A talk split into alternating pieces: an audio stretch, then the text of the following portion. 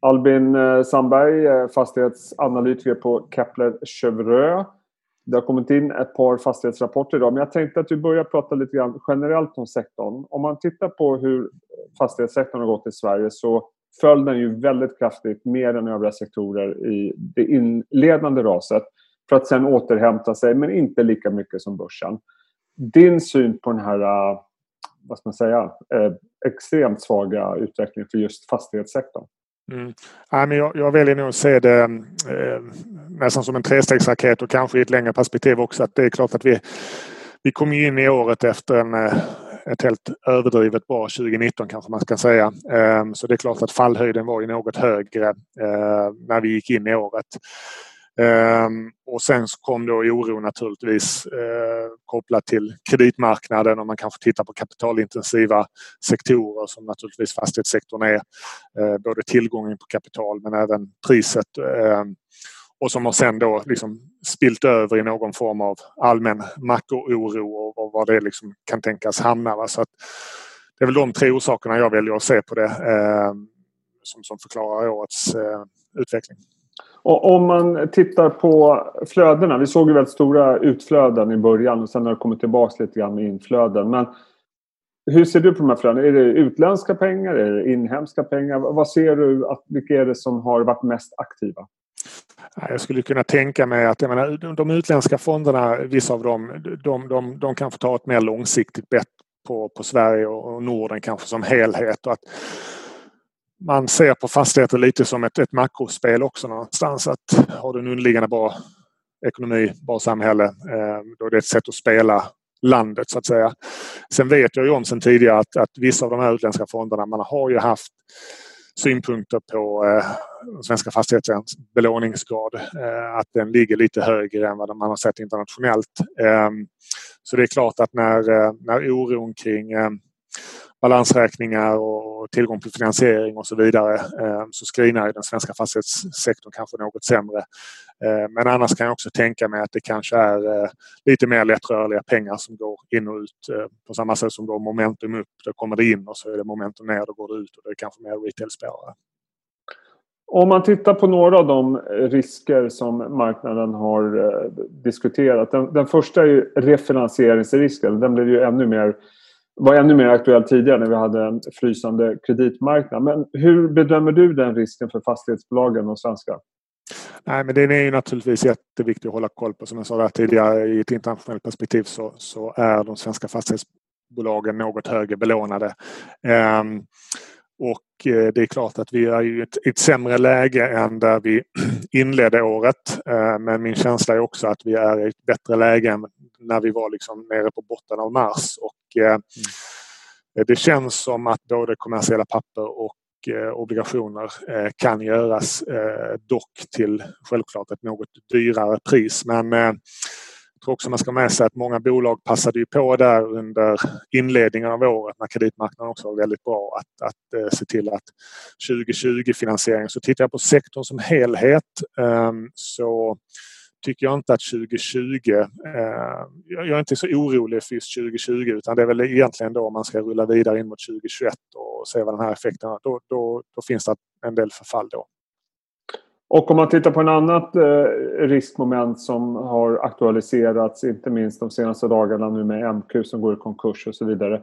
Och det är hyresintäkterna. Hur man ska se på det. Och eh, hur bedömer du hur pass oroliga vi ska vara för att den fina tillväxten vi har sett i hyresintäkter under lång tid, att den nu stannar upp?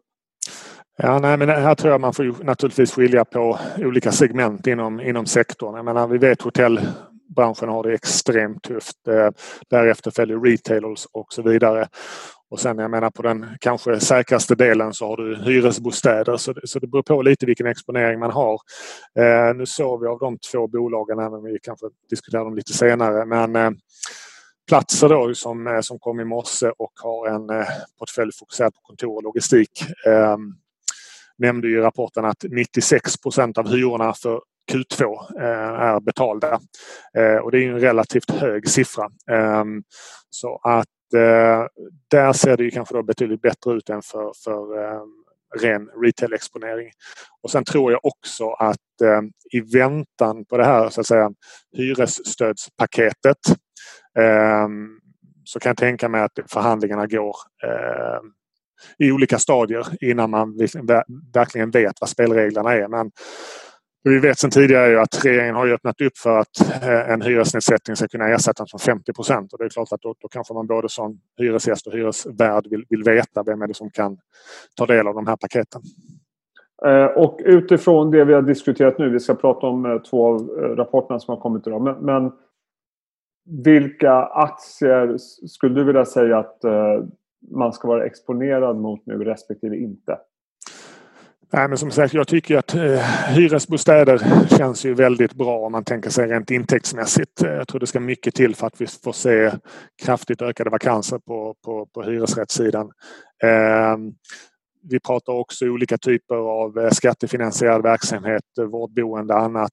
Samhällsbyggnadsbolaget till exempel har ju valt att nischa in sig lite på det. Ehm, det känns ju också, skulle jag säga, nästan i ett, om man tittar över börsen som helhet ehm, vilka intäkter känns kanske som säkrast? Och då, då skulle jag nog vilja säga att hyresbostäder och skattefinansierad eh, verksamhet, det, det, det, det, det är mycket som ska till för att knäcka det kassaflödet. Um, och naturligtvis då på andra sidan, eh, Pandox är ju ett specialfall med sin hotellexponering. Um, och sedan får man då screena lite då. Va? Då har vi Arthur Ljungberg som, som har en, en större andel retail än, än många andra fastighetsbolag. Eh, man skulle kunna lägga in huvudstaden och Diös i det eh, fallet också. Och om vi då tittar på dagens rapporter. Där var det ju en väldig, eh, vad ska man säga, de skiljer sig åt väldigt mycket. Då har å ena sidan Platser som kommer med där man bekräftar utdelningen, aktien stiger och så är det då Atrium Ljungberg som du själv nämnde som har stor exponering mot handel som drar tillbaka prognosen och skriver ner och så vidare. Om vi börjar med platser. Du har nämnt det redan lite grann men den såg ju väldigt stark ut om man ser på siffrorna. Ja, dels är det intressant att de faktiskt skriver upp sina värden. Eh, mycket drivet då av underliggande kassaflöden. Eh, och då får vi se om det eh, håller sen här inför, inför resten av året. Jag tror att jag kommer nog vara lite försiktig och extrapolera allt det där in, inför kommande kvartal. Det tror jag aktiemarknaden också är. Men med det sagt så har ju en ny bas lagt så att säga. Jag tyckte kommentarerna som de gjorde där om eh, hyrorna inför Q2. Eh, vi såg att det var ett eh, internationellt lite brittiska bolag som började skicka ut meddelanden till marknaden för några veckor sedan om, om just hur mycket av förskottsbetalningarna man har fått in och så vidare. Och då hade vi vissa av de här brittiska som låg kanske nere på 25-30 procent, alltså väldigt lågt. Och så kommer platser då berätta om 96 procent. Det blir, det blir relativt en väldigt bra siffra. Eh, och jag tycker också, även om nettouthyrningen då eh, var ganska liten så var den dock lite positivt och eh, då kan man tänka sig att hade vi haft en ännu mer oro på marknaden alla 2008-2009 så kanske vi hade sett en större andel uppsägningar av kontrakt också så att vi hade sett någon form av negativ okay. nettouthyrning. Det skjuts ju på framtiden lite nu. Um, och uh, naturligtvis oron består men, men det har gett oss lite respit.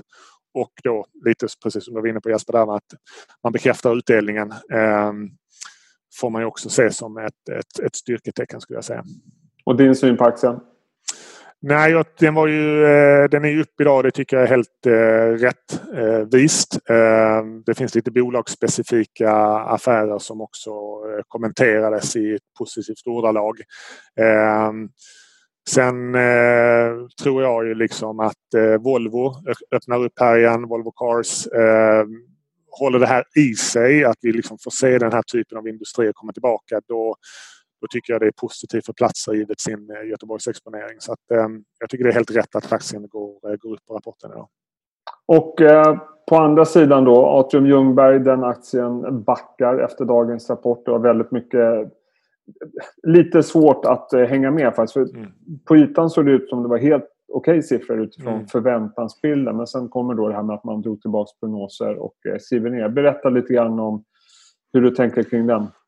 Ja, nej, man, man, skulle nästan vilja dela upp Artur Ljungberg i några olika delar och konstatera att det som nedskrivningarna kommer till och de här tråkiga eh, kommentarerna det, det handlar ju om retail-exponeringen. Och det är klart att det är ju ett, som vi alla förstår en, en, eh, en väldigt speciell situation när, eh, när människor helt enkelt inte tillåts röra sig ute. Jag menar, vi har ju diskuterat handelns fysiska eh, framtid även innan coronaviruset så att säga och det är klart att det aktualiseras väl än mer eh, på detta. Eh, och eh, jag förstår att det är inte lätt att göra värderingar och så vidare och bolaget försökte väl göra så gott de, de kunde. Va? Men det är, det är aldrig roligt att se fallande fastighetsvärden samtidigt som man då relaterar till sin kontorsportfölj och säger att den i princip är, är oförändrad. Och det, det lirar väl lite med vad platsen rapporterar också. Men eh, som sagt, retail-exponeringen i, i Artur Ljungberg den, den, ligger där lite som en, en våt filt eh, över aktien och kommer nog så göra. Och, och om man då tittar på det faktum att man drar tillbaks tidigare prognos. Eh, det innebär i, i min värld att det är stor osäkerhet även när vi går in i Q2 och kanske ännu längre. Mm. Nej, men det är absolut. Eh, ska man säga det att Autiums guidning till marknaden har varit i, under diskussionen under många år. Eh, kanske att den har varit eh, något åt det, åt det försiktiga hållet. Men att man då väljer att dra tillbaka den. Självklart kan man inte tolka det på annat sätt än att eh, även för Atom Ljungberg själva och, och, givet att så mycket är i händerna på, på myndigheter och myndighetens rekommendation så att eh, eh, det är naturligtvis tråkigt för, för, för bolaget men eh, det får bli en negativ tolkning på det helt enkelt. Mm. Eh, vi har flera rapporter som kommer framöver, får anledning att återkomma när de trillar in.